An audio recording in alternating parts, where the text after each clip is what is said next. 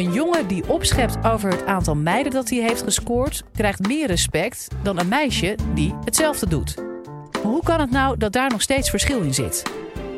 Dat vraagt Marijke Nazer van Radboud Universiteit zich ook af. In deze podcast geeft ze dan ook antwoord op de vraag: waarom is een jongen een player en een meisje een slet? Dit is de Universiteit van Nederland. Wie van jullie heeft er wel eens een selfie gemaakt? Nou, bijna iedereen. Dat is ook niet zo heel erg verwonderlijk. Uh, iedereen heeft tegenwoordig eigenlijk wel een mobiele telefoon waarmee je prachtige foto's kunt maken. En die delen we ook graag op sociale media. Maar in dit college gaat het over een specifiek soort selfie: de sexy selfie. Wie heeft wel eens een sexy selfie gemaakt? Oeh, meer twijfel. Ook dat is niet zo heel erg verwonderlijk. Want een sexy selfie is eigenlijk wel wat meer omstreden. En vooral als ze gemaakt worden door meiden of door vrouwen. Een selfie van een jongen. Mooie foto, goede sixpack, goed afgetraind. Maar dan een selfie van een meisje. Die vinden we wel een beetje bloot. Wat voor reacties lokt dit meisje uit door zich zo uitdagend te presenteren? En wat gaat er gebeuren als er iemand tegenkomt met kwade bedoelingen? We reageren dus anders op die selfies van jongens dan op de selfies van meisjes. Hoe komt dat? Welke normen zitten daarachter? En wat zijn de gevolgen daarvan? Nou, daar wil ik vandaag antwoord op geven aan de hand van mijn twee onderzoeken die ik heb gedaan onder Nederlandse jongeren. En dan heb ik het over jongeren tussen de 12 en de 18 jaar oud. Um, het eerste onderzoek deed ik in 2004 en dat was een onderzoek naar de bijnamen die jongeren voor elkaar gebruiken. En dan um, onderzocht ik welke normen over gender, dus over mannelijkheid en over vrouwelijkheid, we af kunnen leiden uit die bijnamen. Het tweede onderzoek is het onderzoek waar ik nu mee bezig ben, waar ik in 2012 mee ben gestart. En dat gaat over jongeren en seksualiteit op sociale media. Nou, voor allebei die onderzoeken deed ik gedurende langere tijd mee in het dagelijks leven van jongeren. Uh, participerende observatie heet dat. Ik ging bijvoorbeeld met ze mee naar school, ik reisde met ze mee in het openbaar vervoer, ik keek offline mee, ik keek online mee. En ik gebruikte nog een aantal andere onderzoeksmethoden, zoals interviews, uh, individueel en in groepen, en een rollenspel. In dit college bespreek ik welke dominante seksuele normen ik tegenkwam onder jongeren. En dat ze dominant zijn betekent dus dat het niet de normen zijn waar alle jongeren het per se mee eens zijn. Maar het zijn wel de normen die het meest dominant aanwezig zijn in de samenleving en waar alle jongeren dus zich op een of andere manier toe moeten verhouden. De focus ligt op normen rondom sexy zijn. En met sexy zijn bedoel ik zowel seksueel beschikbaar zijn als aantrekkelijk zijn. Wat is nou aantrekkelijk volgens jongeren? Nou, als ik het er met hun over had, of ik leidde het af, dan zag ik een aantal algemene normen. En dat is bijvoorbeeld dat je jong moet zijn, en voor jongeren is dat onder de 30, 35, slank en dat je een knap gezicht moet hebben. Maar naast die algemene normen zag ik ook nog hele specifieke normen voor jongens en voor meiden. Voor meiden was het bijvoorbeeld belangrijk om lang haar te hebben. Op je hoofd, niet onder je oksels of op je benen. En voor jongens was het juist heel belangrijk om gespierd te zijn. tegenwoordig is het vooral de sixpack, de blokjesbuik. Maar ook brede schouders en gespierde armen worden heel erg gewaardeerd. Nou, deze normen sluiten dus al een hele grote groep jongeren buiten die niet aan die, aan die ideaalbeelden kunnen voldoen. Bijvoorbeeld omdat ze door anderen lelijk of dik worden gevonden. Maar het bevestigt ook een heel beperkt idee van gender. Alsof we twee groepen hebben, jongens en meiden, en ieder heeft zijn eigen schoonheidsideaal en zijn eigen taak te vervullen. Dit is erg. Deze jongeren kunnen allemaal niet sexy zijn. En dat is erg. Waarom is dat erg? Omdat sexy zijn in onze samenleving wel degelijk als iets positiefs wordt gezien. En ook heel erg wordt aangemoedigd. Vooral bij meiden. Uit mijn onderzoek in 2004 naar de bijnamen bleek bijvoorbeeld dat er vooral heel veel bijnamen waren voor het uiterlijk van meiden. En meiden die dan uh, door anderen werden goedgekeurd, die kregen te horen dat ze een mooiheid waren, of een chickie, of een schoonheid. Terwijl de meiden die werden afgekeurd, die kregen te horen dat ze bijvoorbeeld een koe waren, of een kutkop. En de eisen voor meiden waren hoog. En jongeren brachten ook vrij veel tijd door met het bestuderen van meiden, het inspecteren en het becommentariëren. De eisen voor jongens waren veel lager, of zelfs niet bestaand. Jongeren vonden het soms heel moeilijk om te bedenken wat ze belangrijk vonden aan het uiterlijk van een jongen. Een meisje zei het heel treffend: hij moet niet meer tijd aan zijn uiterlijk besteden dan ik. Dat is ook weer zo raar.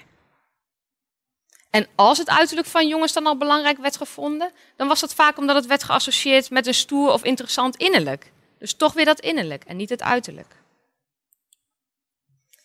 En ook in mijn huidige onderzoek zie ik dat sexy zijn vooral aan meiden wordt gekoppeld. Het wordt gezien als een meidending of een vrouwending.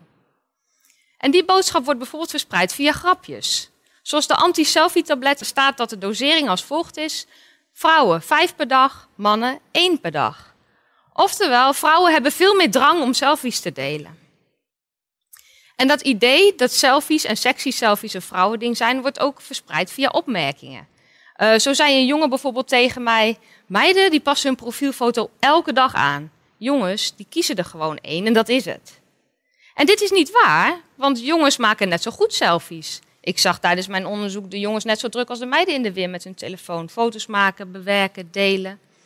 Alleen door dat soort opmerkingen en dit soort grapjes, als die anti-selfie-tabletten, wordt wel het idee in stand gehouden dat het een meidending is om selfies en vooral sexy selfies te delen. Als ik jongeren vragen stelde over de sexy selfies van jongens, dan vonden ze dat meestal maar een beetje raar.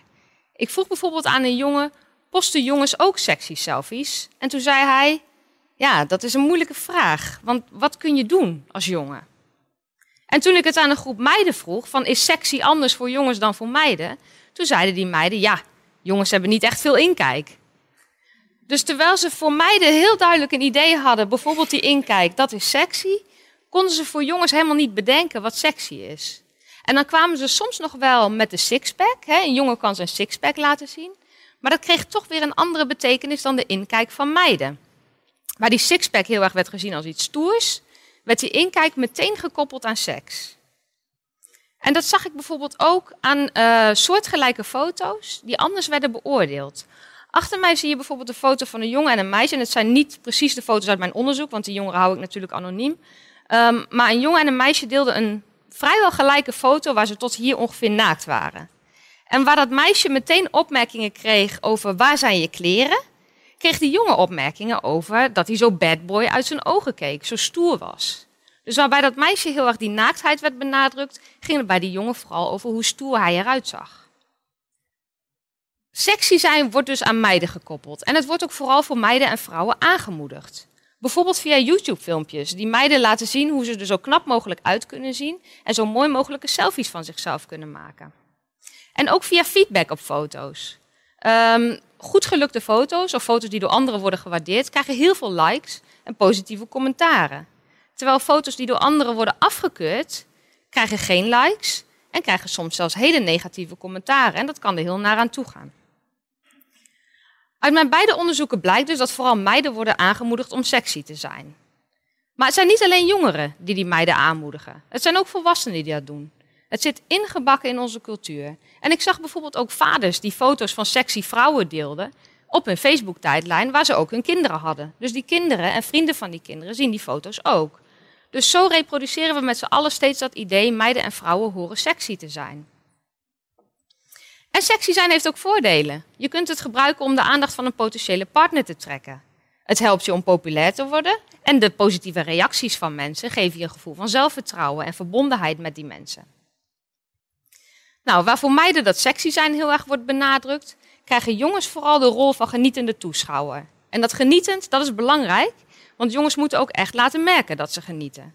Als een jongen op de een of andere manier laat merken dat hij eigenlijk helemaal niet zo geïnteresseerd is in meiden, of dat hij eigenlijk helemaal geen zin heeft om iedere keer commentaar te leveren, dan wordt hij daarop aangesproken. Er kwam bijvoorbeeld op Facebook een keer een bericht voorbij van een jongen van een vrouw met stevige borsten en flinke inkijk. En achter haar, haast niet zichtbaar, stond Slenderman, een horrorpersonage. En een jongen had daarop gereageerd: Pas op, Slenderman staat achter je. Waarop hij meteen een reactie kreeg: Als jij nu naar Slenderman kijkt, dan ben je gay. En dat werd helaas dat is helaas nog steeds een scheldwoord. Het wordt geassocieerd met slap zijn, geen eigen mening hebben, niet voor jezelf op kunnen komen. Dus jongens worden op die manier afgestraft dat ze niet op vrouwen reageren. Aan de ene kant wordt sexy zijn dus aangemoedigd. Aan de andere kant wordt het ook ontmoedigd. Waarom is dat? Er zijn twee redenen voor en ook die gelden allebei weer voor, vooral voor meiden en vrouwen. Aan de ene kant is dat vanuit een angst voor seksueel geweld. In onze cultuur bestaat het idee dat als je sexy bent, dat dat kan leiden tot seksueel geweld, aanranding, verkrachting of het verspreiden van foto's. Het advies is daarom dan ook vaak: wees maar niet te sexy, want wie weet wat er daardoor gebeurt. En daar zitten een aantal problemen aan, aan die redenering. En eentje daarvan is dat het een heel stereotype beeld schetst van meiden als slachtoffer en jongens als pleger van seksueel geweld. En dit stereotype beeld klopt niet. Meiden kunnen ook seksueel geweld plegen, bijvoorbeeld door sexy foto's te verspreiden. En jongens kunnen ook slachtoffer worden van seksueel geweld op allerlei manieren. Maar door ons stereotype beeld zien we die mannelijke slachtoffers en vrouwelijke plegers totaal over het hoofd. En dit vertaalt zich ook naar de seksuele voorlichting die we aan jongeren geven. Meiden die leren hun grenzen te bewaken en die leren waar ze heen moeten als er iets misgaat, waar ze hulp kunnen krijgen. Terwijl jongens leren andermans grenzen te respecteren. En allebei die groepen lopen dus gewoon een heel wezenlijk stuk kennis mis. En dan hebben we het nog niet eens over het gebrek aan informatie over seksueel plezier. Een ander probleem aan die angst voor seksueel geweld en de manier waarop we dat vertalen, is uh, het risico op victim blaming. En dat betekent dat we het slachtoffer de schuld geven als er iets misgaat. En dat komt omdat we dus alle verantwoordelijkheid voor wat er gebeurt met iemand die sexy is, bij die sexy persoon leggen. Het is je eigen schuld dat je verkracht bent. Dan had je dat korte rokje ook maar niet aan moeten doen. Het is je eigen schuld dat jouw foto verspreid is. Dan had je die foto maar niet moeten maken. En uit angst voor deze redenering durven meiden, als er iets misgaat, ook vaak geen hulp te zoeken. En dat kan hele grote gevolgen hebben. Een heel uh, verdrietig voorbeeld van victim blaming is de zaak van Amanda Todd, een Canadese tiener, van wie topless foto's tegen haar zin in werden verspreid. En zij werd hier ontzettend mee gepest, jarenlang. En uiteindelijk op 15-jarige leeftijd besloot ze daarom een eind aan haar leven te maken. Sexy zijn wordt dus ontmoedigd vanuit een angst voor seksueel geweld, maar het wordt ook nog om een andere reden ontmoedigd. En dat is vanuit het idee in onze samenleving dat meiden en vrouwen seksueel terughoudend horen te zijn. Als je als meisje of als vrouw te veel met seks bezig bent, dat is niet goed. Dan ben je een slet. En je krijgt negatieve reacties. En die negatieve reacties kunnen komen in persoonlijke vorm, bijvoorbeeld in de vorm van bijnamen. Dus er is een indrukwekkende hoeveelheid bijnamen, wat varianten zijn op slet. Hoer, snol, sloerie, slettenbak. Nou, we kunnen nog even doorgaan. Maar dat sletstigma zit ook ingebakken in onze, uh, in onze hele cultuur. En dat wordt verspreid via bijvoorbeeld Facebook en YouTube-accounts, die erop gericht zijn om vrouwen belachelijk te maken die te sexy zijn of te veel met seks bezig zijn. En het zijn niet alleen jongeren die dat sletstigma verspreiden, ook volwassenen doen hieraan mee. En een goed voorbeeld hiervan, eveneens weer heel verdrietig, is de zaak van Patricia Pai. Van wie een seksfilmpje tegen haar wil in werd verspreid. En het duurde niet lang, het heeft geen dag geduurd, voordat grapjes de ronde deden over internet, waarin zij belachelijk werd gemaakt en werd uitgelachen. En hier zie je tegelijkertijd die victim blaming en dat sletstigma aan het werk. In plaats van dat we met z'n allen zeggen, waarom zijn we een seksfilmpje aan het delen van een volwassen vrouw, die gewoon een seksleven heeft, gaan we er grapjes over maken en noemen we haar dom. En daar zit de victim blaming. Het was haar schuld, ze had dat filmpje helemaal niet moeten maken. En ze werd een slet genoemd. Daar zien we het sletstigma. Voor jongens bestaat er eigenlijk geen vergelijkbare naam. Je hebt wel de player voor jongens die veel met seks bezig zijn, maar dat is eigenlijk een positief woord. Vooral voor jongens onderling. Dat is echt een compliment. Hoewel de meiden het daar niet allemaal mee eens zijn. Tijdens mijn onderzoek zei bijvoorbeeld een meisje tegen mij: Het is niet eerlijk. Zij is een hoer, hij is stoer. Nou, sexy zijn wordt dus gewaardeerd en aangemoedigd. Maar tegelijkertijd zijn de normen over wie sexy kan en mag zijn en wat sexy precies is, eigenlijk heel erg beperkend. En dat heeft gevolgen. Het sluit mensen buiten, bijvoorbeeld mensen die te lelijk worden gevonden of die niet netjes in de hokjes man-vrouw passen. Maar ook bij mensen die wel voldoen aan die normen of aan die idealen en die wel netjes in de hokjes passen, die lopen ook al snel tegen allerlei tegenstrijdigheden en grenzen aan. En een laatste gevolg is dat deze normen heel erg genderstereotypen en heteronormativiteit reproduceren. Twee moeilijke woorden, ik zal ze kort uitleggen. Met genderstereotypen bedoel ik een idee dat we mannen en vrouwen hebben. Ieder met hun eigen functie, hun eigen taak. Ehm, vrouwen zijn sexy, mannen genieten daarvan. Vrouwen zijn de prooi, mannen zijn de jager. Een heel stereotype beeld. En met heteronormativiteit bedoel ik het idee dat meiden op jongens vallen en jongens op meiden. En voor de rest is er niks. En deze stereotypen sluiten dus allerlei mensen buiten. Mensen worden ontkend, mensen worden genegeerd en mensen worden gestigmatiseerd. En dat kan hele grote gevolgen hebben. We weten uit eerder onderzoek dat bijvoorbeeld jongeren die zich niet als heteroseksueel identificeren, vaker te maken hebben met psychische klachten en ook vaker een zelfmoordpoging doen. Terug naar de vraag: waarom is een jongen een player en een meisje een slet? Nou, er is eigenlijk geen goed antwoord op deze vraag, want het is gewoon niet eerlijk. Die beperkende normen zijn niet eerlijk en schadelijk. Maar mijn onderzoek laat ook zien dat de normen heel diep zitten ingebakken in onze cultuur en ook steeds weer opnieuw gereproduceerd worden.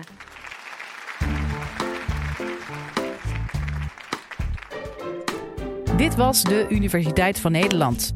Wil je nou nog meer wetenschappelijke antwoorden op spannende vragen? Check dan de hele playlist.